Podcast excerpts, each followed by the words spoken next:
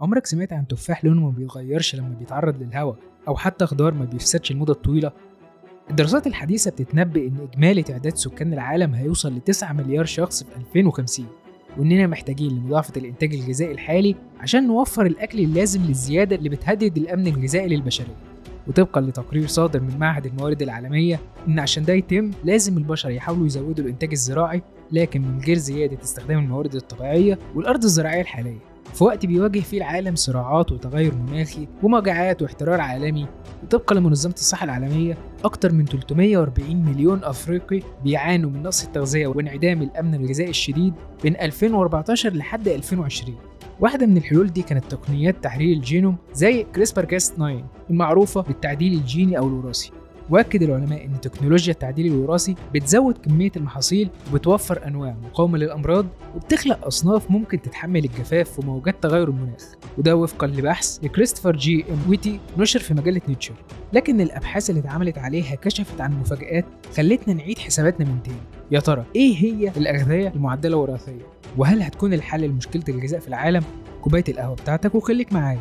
وخلينا نعرف أكتر عن التعديل الجيني أو الوراثي للنباتات وهل فعلا هيحل مشكلة الغذاء في العالم ولا هيكون سبب في دمار البشر والبيئة؟ هستنى رأيك في ال comments. ممكن كمان تخش على لينك أكونت الإنستجرام اللي هسيبه لك تحت الفيديو عشان بنعمل فيه أسك أسبوعي وبنتكلم فيه براحتنا.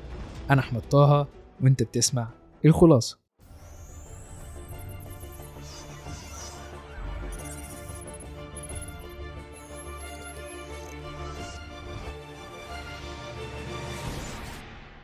أهلا بك يا صديقي العزيز في حلقة جديدة من الخلاصة. معرفة الإنسان بالنبات بترجع لعشرات آلاف السنين لما استخدمها كغذاء ودواء. مرورا بحضارات المصريين القدماء والبابليين والصينيين والإغريق واللي بدأت تتسجل على إيد ثيوفراستس واحد من تلامذة أرسطو اللي كتب واحد من أقدم كتب العالم في التخصص ده وهو تاريخ النباتات وعلل النباتات. وبعد مرور سنين وانتشار الثقافة والحضارة العربية والإسلامية ظهر علماء مش بس قدروا يعرفوا خصائص النباتات دي ويجمعوها في معاجم وتصنيفات كاملة دول قدروا يطوعوا استخدامها في العلاجات المختلفة. لحد ما ظهر أول عالم نبات مسلم وهو أبو حنيفة أحمد بن داوود الدينوري صاحب كتاب النبات. اللي أشار في كتابه لطريقة التهجين أو علم الوراثة اللي قدر من خلالها ينتج ثمار بصفات جديدة لنباتات بطريقة التطعيم. عشان يظهر مصطلح علم الوراثة الحديث في منتصف تسعينات القرن ال19 على إيد الراهب الألماني وعالم وراثة النباتات جريجور يوهان ميندل اللي في سنة 1865 قدم دراسة بعنوان تجارب حول تهجين النباتات. دراسة اتقدمت لجمعية أبحاث الطبيعة في برون واللي قدر يدرس من خلالها الأنماط الوراثية لنبات البازلاء ووصفه الرياضي القصة الشهيرة اللي كلنا درسناها. المهم دراسات أثبتت من بعدها إن الطفرات الوراثية كانت بتتم بفعل عوامل خارجية وعلى فترات طويلة وكان المزارعين بيطعموا نباتات بنباتات تانية عشان يوصلوا لثمار أو أشجار بصفات معينة. ومن هنا بدأ التفكير في استخدام الهندسة الوراثية لإنتاج أغذية معدلة جينيا بهدف الحصول على النباتات دي بشكل مباشر عن طريق إضافة الجينات الخاصة بالصفات المرغوبة في الحمض النووي للخلايا النباتية. وممكن إضافة جينات معينة تزود الإنتاج أو ترفع مقاومة النباتات للآفات الزراعية أو حتى تساعد النباتات على التأقلم مش بس مع التغيرات والظروف البيئية الحالية زي الجفاف ونقص المية لأ كمان مع التغيرات المناخية المتوقعة في المستقبل. مش بس كده التعديل الوراثي ممكن يستخدم في توفير المواد الخام اللازمة لكتير من الصناعات زي الأخشاب عالية الجودة. ففي 2015 نشرت دورية نيتشر دراسة عن إمكانية تعزيز الصفات الوراثية للأوكاليبتوس المستخدم في صناعة الأخشاب. واللي نتج عنه زيادة إنتاجية الأخشاب ل 20% مقارنة بنفس النبات قبل التعديل غير سرعة عملية نضجه وحصاده بعد خمس سنين ونص بدل من سبعة. سنة 1981 اتعمل أول تعديل وراثي صناعي للنباتات بعد إعلان شركة مونسانتو الأمريكية اللي تعتبر أكبر مطور للمنتجات الزراعية في العالم عن إنتاجها لنوع من التبغ المقاوم للآفات. وأول منتج متعدل وراثيا نزل في الأسواق كان طماطم سلافر flavor سنة 1994 من إنتاج شركة كالجن الناشئة. حاليا في شركات ضخمة بتتحكم في تعديل بذور العالم. شركات زي باير الألمانية كورتيفا الأمريكية كيم تشاينا الصينية وليما جرين الفرنسية. الشركات دي بتمتلك أكتر من نص إجمالي بذور العالم واللي بيخليها تهيمن على إمدادات الغذاء العالمية. أنت متخيل الرقم؟ وعلى فكرة ده مش كلامي ده طبقا لموقع دويتشه فيله الألماني.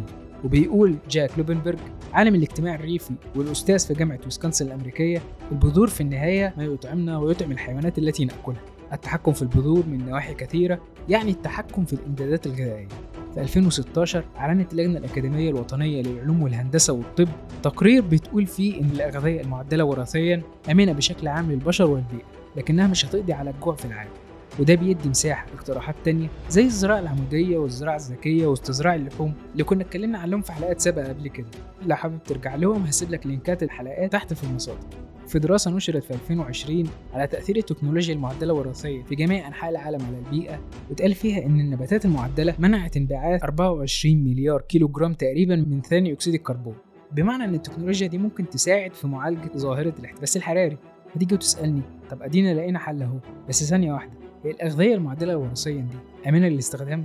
يعني أكيد اتعمل عليها تجارب قبل ما تنزل الأسواق طبقا لمنظمة الصحة العالمية فاختلاف الجينات المنقولة للنباتات واختلاف التقنيات بيصعب الحكم على مدى أمان وسلامة الأغذية المعدلة وراثيا عموما وبتحتاج لتقييم ومراجعة مستمرة للتأكد من سلامتها. لكن عموما هي لا تمثل خطر على صحة البشر.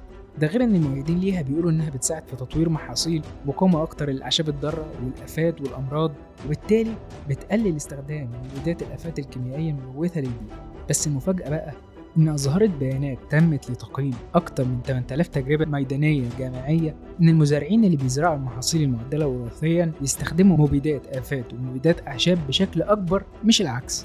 فالمزارعين بيستخدموا مبيدات الأعشاب أكتر بمرتين لخمس مرات مقارنة بمكافحة الحشائش التقليدية. وفي تخوف من إن زيادة استخدام مبيدات الآفات مع المحاصيل المعدلة وراثيا هتتسبب في تطوير الحشرات للمقاومه أكتر. وهتحتاج مستويات أعلى من مبيدات الافات أو حتى إنتاج جراثيم خارقة قادرة على مقاومة المبيدات دي. ده غير تخوف من إن تعديل النباتات ممكن يتسبب في آثار كارثية على الطبيعة والبيئة وصحة الإنسان واللي هتحتاج سنين عشان تظهر. فثبت فعلا إن جينات النباتات المعدلة وراثيا قادرة تخش جوه البيئة وتلوث المحاصيل الطبيعية. طبعا أنت دلوقتي بتقول يا عم الحاجات دي بره مش هنا. خليني أفاجئك وأقول لك إن الكلام ده مش حقيقي. واسمع الأرقام دي عشان تتأكد. طبقا لآخر الإحصائيات حصة السوق العالمي من المحاصيل المعدلة وراثيا هي 99% من بنجر السكر معدل وراثيا 95% من الكانولا معدلة وراثية 94% من فول الصويا معدل وراثية 92% من الذرة معدلة وراثية 94% من بذور القطن معدلة وراثية ودول على فكرة داخلين في كل الصناعات الغذائية اللي أنت ممكن تتخيلها. 95% من الحيوانات المستخدمة في إنتاج اللحوم ومنتجات الألبان بتتغذى على المحاصيل المعدلة وراثيا ها تحب أكمل؟ طب أقول لك على الأكبر.